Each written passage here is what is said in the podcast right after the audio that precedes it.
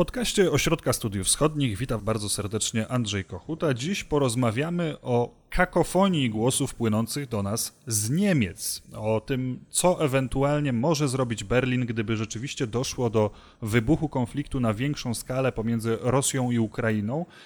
I o tym, jak postrzega zachowanie najpotężniejszego w końcu państwa w Europie sama Ukraina. A wraz ze mną są tutaj znakomici eksperci Ośrodka Studiów Wschodnich, Anna Kwiatkowska, która odpowiada za kierunek niemiecki, Justyna Gotkowska, zajmująca się kwestiami bezpieczeństwa i Tadeusz Iwański, odpowiedzialny za Ukrainę. Witam Was bardzo serdecznie. Dzień dobry. To jest podcast Ośrodka Studiów Wschodnich.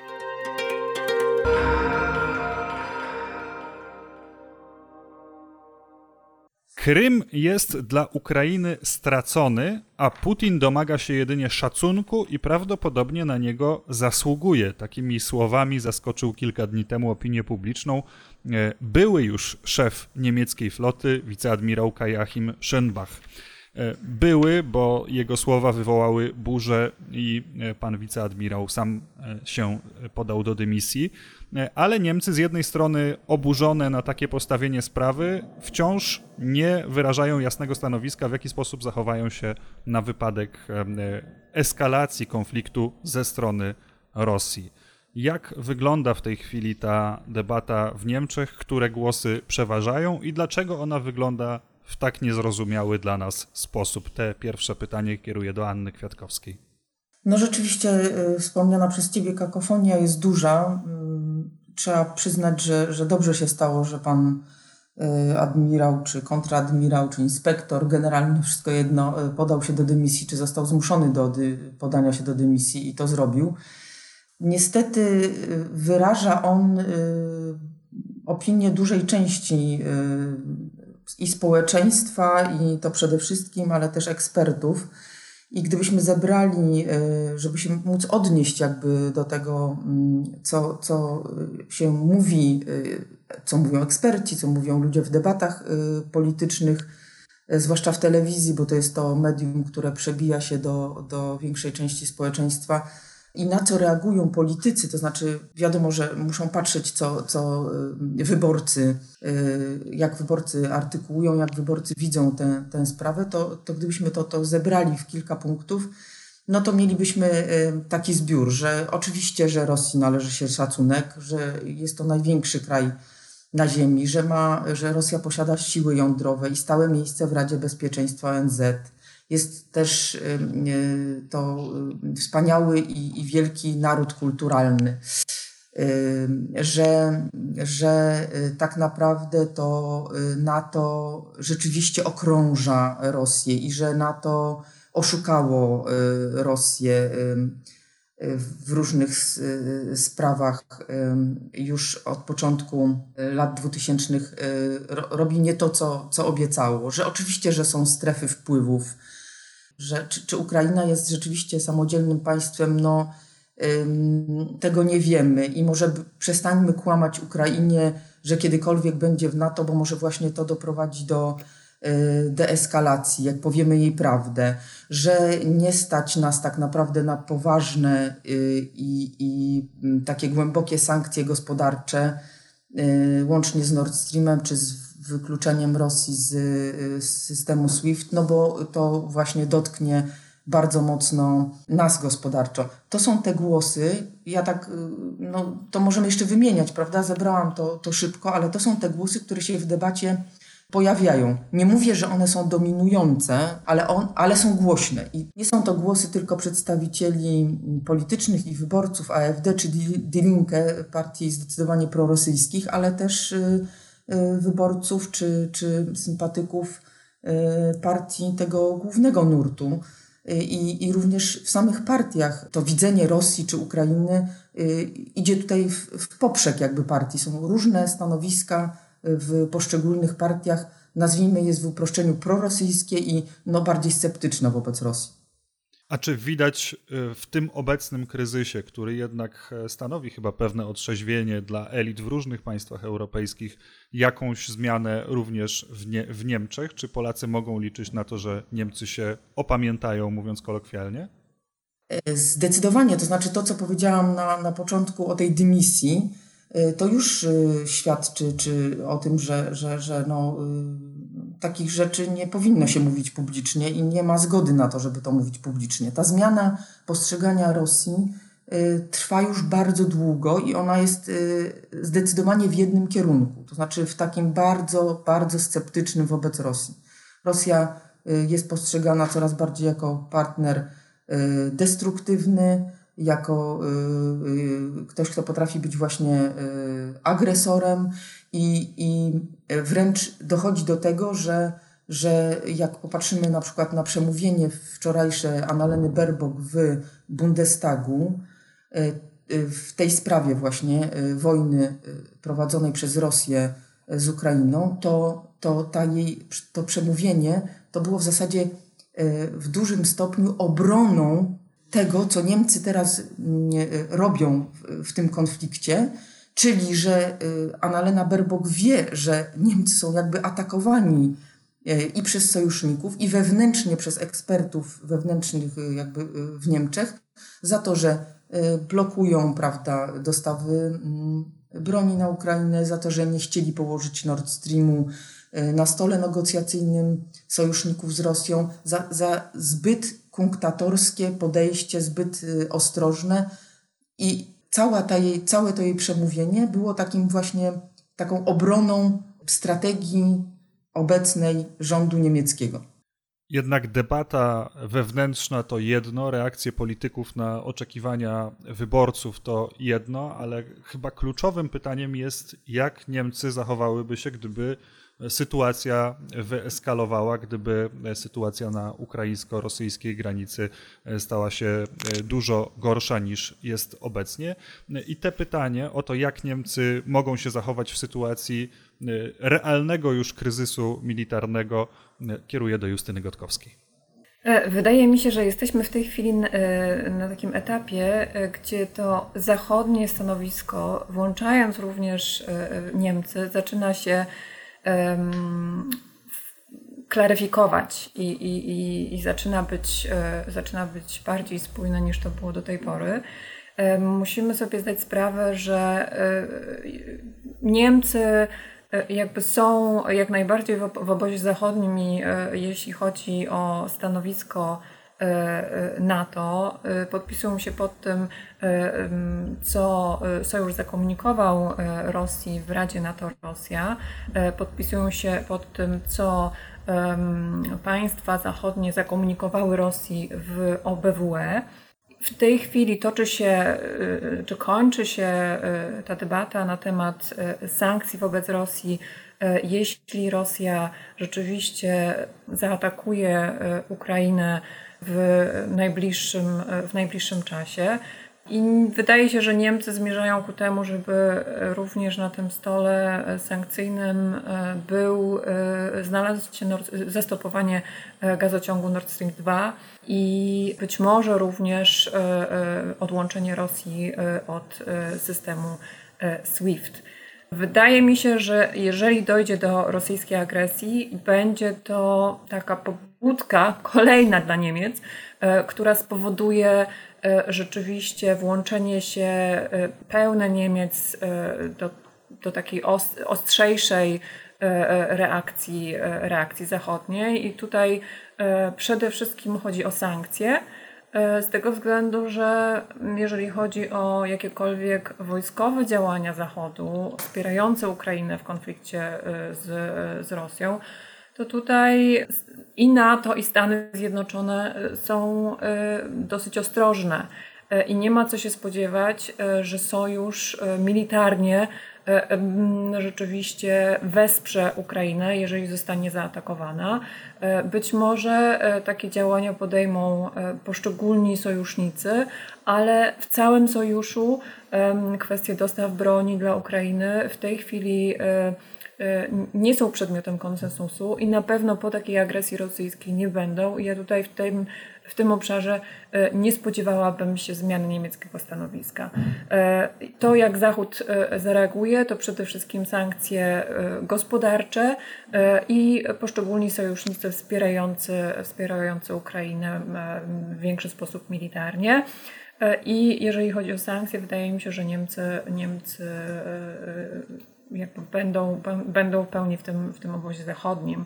Agresja rosyjska na Ukrainę zapewne będzie spowoduje, że ta debata o, o Rosji, która toczy się od 2014 roku, o czym mówiła Ania, że ona przyspieszy. Dlaczego Niemcy tak opornie reagują na e, możliwość przekazania broni Ukrainie? Inne państwa to robią, robią to Stany Zjednoczone, robi to Wielka Brytania, robią to o wiele mniejsze i słabsze od Niemiec państwa bałtyckie. E, dlaczego Niemcy nie uważają, że to jest dobry kierunek wsparcia państwa, które wkrótce może paść ofiarą agresji rosyjskiej? Berlin od 2014 e, roku e, był przeciwny dostawom broni dla Kijowa e, i kieruje się taką narracją czy rozumowaniem, że nie ma, przynajmniej oficjalnie, publicznie, że nie ma militarnego rozwiązania konfliktu na, na Ukrainie. I oficjalnie również motywują taką narrację obawami o nasilenie rosyjskich działań wojskowych przeciwko Ukrainie i e, również o przekształcenie tego konfliktu e, rosyjsko-ukraińskiego w konflikt pomiędzy Rosją a Zachodem. Widzą siebie jako pośrednika w tym konflikcie poprzez swój udział w formacie normandzkim. I dla niemieckich polityków to, taką rolę Niemiec, rolą Niemiec jako mediatora E, zachwiałyby właśnie e, dostawy broni e, dla Ukrainy. To jest, to stanowisko ma oczywiście szerszy kontekst, taki polityczny, o którym wspominała, wspominała również, również Ania, postrzegania Rosji w Niemczech jako potęgi regionalnej, globalnej, E, dysponującej e, bronią nuklearną, e, potęgi, z którą trzeba się dogadywać w kwestiach europejskiego bezpieczeństwa i to europejskie bezpieczeństwo układać nie wbrew Rosji, ale z Rosją. Znaczenie w tym niemieckim stanowisku mają oczywiście również kwestie współpracy energetycznej i pewne uzależnienie Niemiec tutaj, w, w, jeżeli chodzi o dostawy gazu z Rosji, postrzeganie tej współpracy gospodarczej jako ważnej, istotnej dla, dla, rosyjs- dla e, relacji rosyjsko-niemieckich e, i, i niechęć do, e, do rezygnacji z niej. Na pewno jest też obawa w Niemczech przed mm, konfliktem zbrojnym z Rosją. Niemcy znają swo, swoje silne i słabe strony. E, i wiedzą, że e, politycznie i gospodarczo są potęgą, e, militarnie są karłem i zdają sobie sprawę, że tylko poprzez z ich strony to dialog, to, to współpraca gospodarcza, to w tych kwestiach są silni i starają się je wykorzystywać. Ale na eksport broni na Ukrainę wpływa jeszcze, jeszcze inny czynnik, który jest związany z wejściem do rządu Partii Zielonych. Ta partia jest i do, ma bardzo ostre, restrykcyjne nastawienie do eksportu e, broni do państw e, trzecich i e, w tej chwili chce zaostrzać, a nie rozluźniać kryteria. Ten eksport niemieckiej broni w zeszłym roku, on, on rośnie od kilku lat. W zeszłym roku wyniósł rekordowe 9 miliardów euro. E, I e, Zieloni chcą to ograniczać. Chcą ograniczać e, przede wszystkim ten eksport do, do państw trzecich i takich uwikłanych w, w konflikty zbrojne i takim, za, taki, za takie państwo uznają również Ukrainę. I z tego względu w, w Partii Zielonych, która jest, a, nie powiedziałabym, że antyrosyjska, ale bardzo sceptycznie nastawiona do Rosji, nie ma jednocześnie zgody na wspieranie militarne Ukrainy i, i e, nie ma tej zgody również e, w SPD czy nawet w FDP. Mogę, y, Andrzeju, się wtrącić, bo, bo niesamowicie, y, niesamowicie to przemówienie wczoraj Annaleny Berbok y, obrazuje dokładnie tą analizę, którą przedstawiła Justyna, bo, bo oczywiście no, trudno się nie zgodzić. A jeszcze w dodatku ona to uzasadniała jako minister spraw zagranicznych Niemiec czymś niezwykle ciekawym dla nas z, z polskiej strony, też ukraińskiej myślę, że y, partnerzy w NATO, sojusznicy w NATO mają różne role i one są tak. nieidentyczne, prawda? I o ile wymieniła y, nawet z, nazwy Polska i Litwa mają jakąś rolę, nie, nie dopowiedziała jaką, to takie państwa, powiedziała Annalena Berbok, jak Włochy, Francja czy właśnie Niemcy, mają zupełnie inną rolę z, z różnych dobrych powodów. I jak zaczęła wymieniać te ich role, to właśnie tam się nie mieści Y, jakieś szerokie wsparcie y, militarne, to o czym mówiła Justyna, chociaż oczywiście wymieniała tam te y, hełmy i, i modernizację bunkra w Odeście i, i, i wsparcie finansowe przez NATO Ukrainy, ale przede wszystkim mówiła o tym, ile Niemcy dają Ukrainie pieniędzy w ramach Unii i bilateralnie, i przez Międzynarodowy Fundusz Walutowy i y, kredytów, i jak pomagają y, w takiej dyplomacji szczepionkowej, i w sektorze energetycznym, i że podtrzymują sankcje. Wymieniła wszystkie gospodarcze i polityczne elementy, mówiąc de facto, że to jest rola Niemiec i że y, oni, gdyby teraz zmienili ten kurs, o którym opowiadała Justyna, to wręcz służyła takiego sformułowania, że to by zamknęło drzwi do deeskalacji. Trochę to jest y, niebezpieczne z naszego punktu widzenia, bo trochę tak wyszło z tego przemówienia, że ci, którzy są za dostarczaniem broni y, Niemcom lub też w ogóle to robią, no to tak jakby tutaj y, no, sytuację wręcz eskalowali. Nie jest to do, do, dobry podział i, i było to niezwykle ciekawe E, przemówienie. Oprócz tego oczywiście, że, że tam były te elementy na przykład, które nas cieszą, to znaczy ona jasno, dużo jaśniej niż kanclerz Scholz postawiła sprawę Nord Streamu, gdzie powiedziała, że e, oczywiście będzie to element e, negocjacji z Rosją. Ja mi jeszcze może dodam, absolutnie to jest ciekawy rozwój narracji niemieckiej i mhm. wydaje się, że Niemcy właśnie starają E, się znaleźć taką opowieść o sobie e, czy o swojej polityce wobec, e, wobec Ukrainy, która kontrowałaby tą ogromną międzynarodową i częściowo wewnętrzną krytykę wobec tak. takiego zachowawczego stanowiska niemieckiego. I to, o czym Ania mówiła w przemówieniu Anyleny Berbok wczoraj, pojawiło się wczoraj również na konferencji E, e, na takim seminarium, w którym e, brali udział niemieccy politycy zajmujący się kwestiami bezpieczeństwa.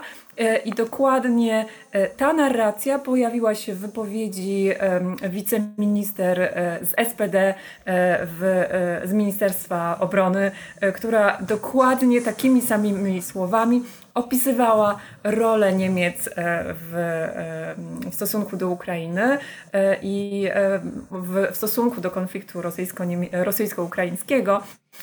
I wydaje mi się, że to jest taka narracyjna niemiecka odpowiedź na, na ostatnie zarzuty. Niemcy szukają narracji, żeby odpowiedzieć na te zarzuty, z którymi się spotykają. Szukają też pewnych sposobów pomocy Ukrainie. No i właśnie Anna Kwiatkowska przed chwilą wspominała o tych słynnych już pięciu tysiącach hełmów, które Niemcy chcą wysłać na pomoc Ukrainie. E, mer Kijowa Kliczko, kiedy usłyszał o tej propozycji, miał odpowiedzieć, że następny transport zapewne będzie zawierał poduszki. E, tak e, szyderczo skomentował tę niemiecką e, propozycję. A jak w ogóle ta wewnętrzna debata Niemiec i te głosy, które wydobywają się na zewnątrz, są postrzegane na Ukrainie? O to zapytam Tadeusza Iwańskiego. Te słowa bolą. Znaczy te, to wszystko, o czym mówiła Ania i o czym mówiła Justyna, te wewnątrz niemieckie dyskusje na temat znalezienia narracji, znalezienia miejsca, próby y, znalezienia się w, w tym kontekście dużej części Europy, która stara się Ukrainie pomagać nie słowami, a uzbrojeniem czy, czy, czy, czy, czy finansowo, to na Ukrainie było, było, było bardzo bolesne, szczególnie w tym kontekście wojny e, i, i, i możliwej eskalacji e, na granicy. Znaczy, to, co mówił pan admirał, to, co y, mówił e, szef CSU, jakby o tym wszyscy wiedzą. To znaczy, to nie jest żadna, to nie jest żadna tajemnica. Tak? Znaczy, wiemy o tym, że Ukraina de facto nie kontroluje, nie kontroluje Krymu, że droga do NATO jest e, długa i bolesna, ale mówienie tego w takich okolicznościach powoduje, że te słowa są na Ukrainie przyjmowane jako pomoc Putinowi. To zostało wprost napisane e, na Ukrainie. I mam wrażenie, w ten sposób Ukraińcy widzą, widzą rolę Niemiec, że Niemcy nie są po stronie Ukrainy, nie są po stronie światła, tylko są po stronie zła. I to ma, ja mam wrażenie, że to ma, takie, ma taką podstawę, że, że Ukraińcy bardzo sobie wiele obiecywali po, po fakcie, że, że do nowego niemieckiego rządu weszli zieloni. Dlatego, że zieloni są postrzegani na, na Ukrainie jako partia no, antyrosyjska, może to jest za dużo powiedziane, ale w każdym razie najbardziej rosjosceptyczna spośród innych mainstreamowych y, partii, czy też tych partii, które miały realne szanse, żeby wejść, wejść do rządu. I pamiętając o tym i skupiając się na tym, że, że, że, że zieloni są antyrosyjscy, jednocześnie analitycy ukraińscy jakby zapomnieli albo nie wiedzieli, że, że, że y, wśród zielonych jest też ta frakcja e, pacyfistyczna po prostu która i jakby w tym, i w tym kontekście, kiedy, kiedy, kiedy rzecz tyczy się e, kwestii niezwiązanych z bezpieczeństwem, niewojskowych, mamy sytuację taką, że e, nie ma tej eskalacji na, na, e, na granicy, czy też groźby eskalacji na granicy rosyjsko-ukraińskiej i wtedy jakby taka sytuacja myślę, że myślę, że bardzo by Ukraińcom odpowiadała, tak? To znaczy temat, kwestia y, y, y, wysyłki uzbrojenia jej by nie było na porządku dziennym, a byłaby kwestia ewentualnie Nord Stream 2, tak, i pewnych zastrzeżeń ze strony zielonych co do tego projektu co byłoby bardzo pod, y, podchwytywane w, y, na Ukrainie. Natomiast teraz po prostu kontekst jest zupełnie inny. I, I, stąd też to rozczarowanie jest tym większe, że to zieloni mieli być tą, tą partią, tą częścią, powiedzmy sobie, rządu, który będzie sprzyjał Ukrainie, podczas gdy jest, jest, jest zupełnie odwrotnie. Więc na Ukrainie te, y, te wypowiedzi czy szefa CSU, czy, czy admirała, a także y, ta niechęć y, Niemiec do tego, żeby y, pomóc Ukrainie realnie, tak jak pomagają inne kraje, no to, to była taka kropla, która przerała czarę goryczy. Na Ukrainie stosunek do Niemiec był taki, powiedzmy, ambiwalentny. Znaczy, z jednej strony była wiedza na ten temat i świadomość o tej polityce Russia First, która jest Niemczech, a z drugiej strony była jednak pamięć o tym, że o polityce kanclerz Merkel wobec konfliktu w Donbasie, także, że kanclerz Merkel de facto była e, sojusznikiem w ramach tej czwórki normandzkiej Ukrainy i to było bardzo ważne. I, I, teraz, to się, teraz to się zmieniło. Znaczy to było w tej chwili to jest chyba największy kryzys w relacjach ukraińsko-niemieckich. Jakie Ukraina widzi dla siebie alternatywy w tej sytuacji? Po prostu jesteśmy teraz zdani na siebie, czy musimy bardziej patrzeć w kierunku Stanów Zjednoczonych, Wielkiej Brytanii, tych państw, które oferują tą pomoc militarną i wydają się o wiele bardziej zdeterminowane, żeby e, Rosję odstraszyć od potencjalnego konfliktu?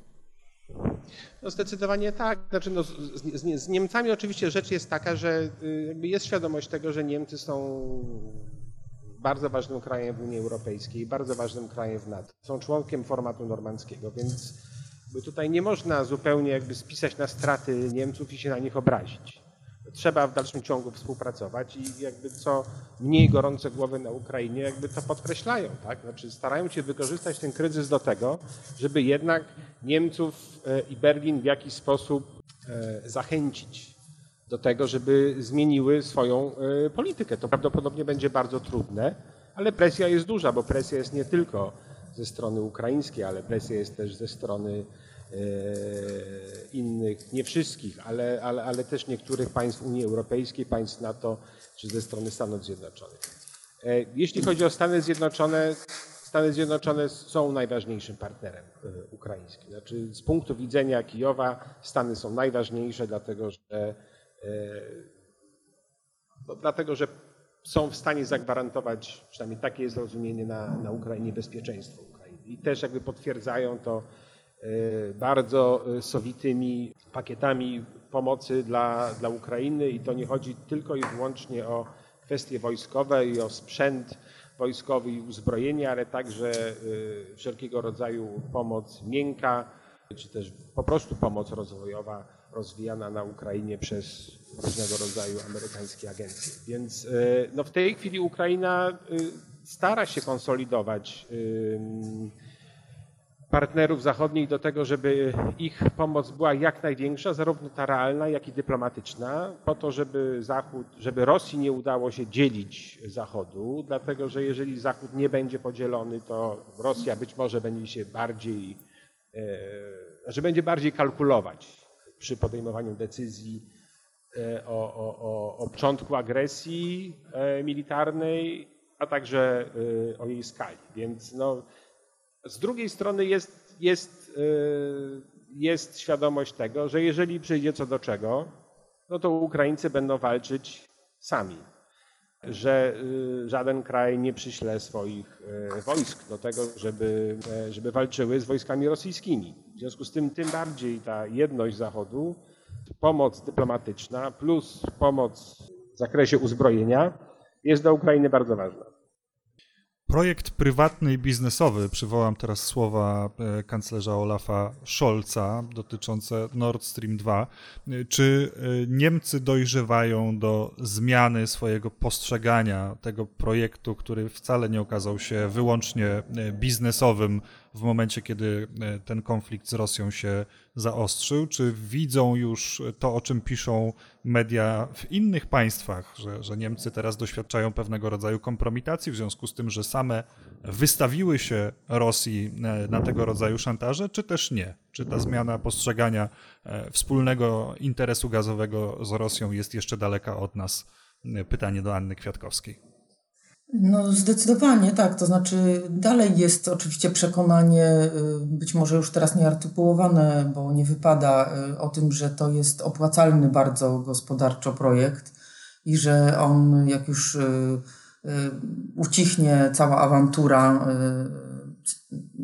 oczywiście parafrazuję jakby spojrzenie niemieckie, to on przyniesie Niemcom duże zyski, bo ja uważam, że on w końcu kiedyś tam jednak zostanie uruchomiony i że pozwoli y, Niemcom na, na, na y, ten tańszy gaz, na, na dysponowanie tym tańszym gazem, na bycie być może hubem gazowym. Natomiast no, politycznie, no to oczywiście jeżeli już niemiecka prasa, która miała metodę przemilczania tego typu niewygodnych projektów, nawet nie, nie broniła ich, tylko, tylko przemilczała, tak było przy Nord Streamie Y, pierwszym. Pisze teraz, że, to, że, że Nord Stream 2 jest, y, cytuję, przygotowaniem do wojny w domyśle z Ukrainą. Także po to był robiony między innymi, żeby móc y, wyeliminować Ukrainę nie tylko jako państwo tranzytowe, ale również no, wepchnąć ją w, w łapy E, Putina, no to, to widać, że to narracja się zdecydowanie zmieniła. Zresztą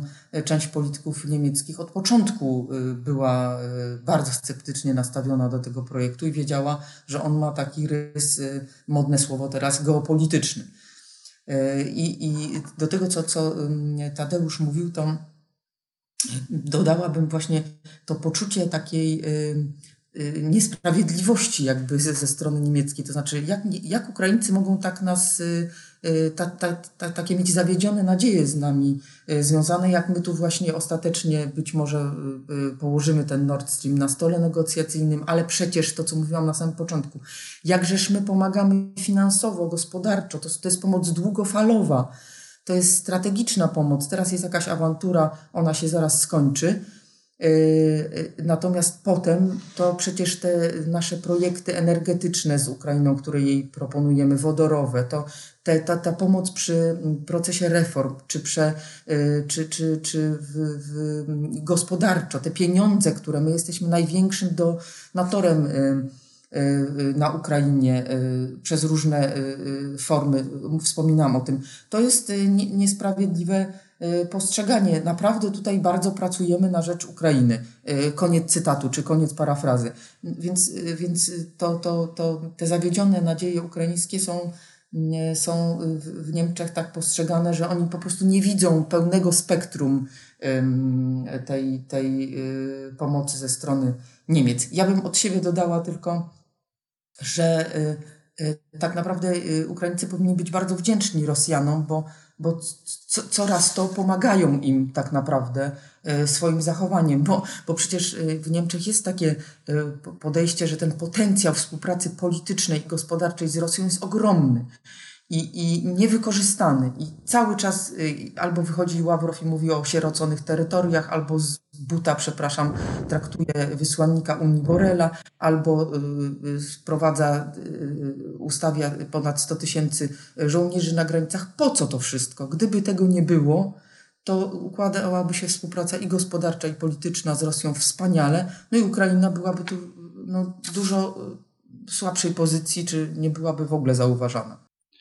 I jeszcze na koniec ostatnie pytanie do Tadeusza Iwańskiego.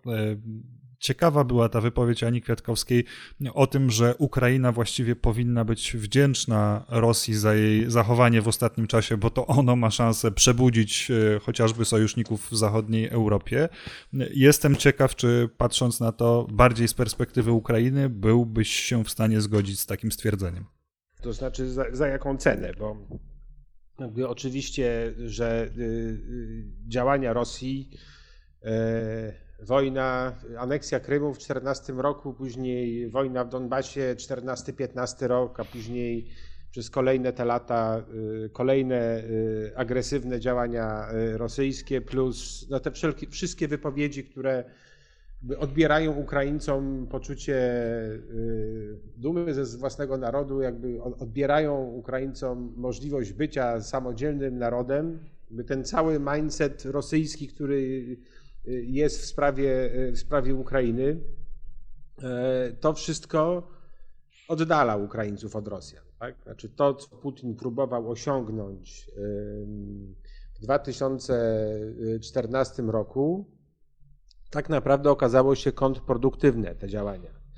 I teraz y, te działania, y, które były w zeszłym roku i szczególnie to, co mamy teraz przy, przy, przy granicy, ta retoryka wojenna i tak dalej, i jakby realnie, realnie wojska rosyjskie przy, przy granicy, to w dalszym ciągu oddala, y, tym bardziej oddala Ukraińców od Rosjan.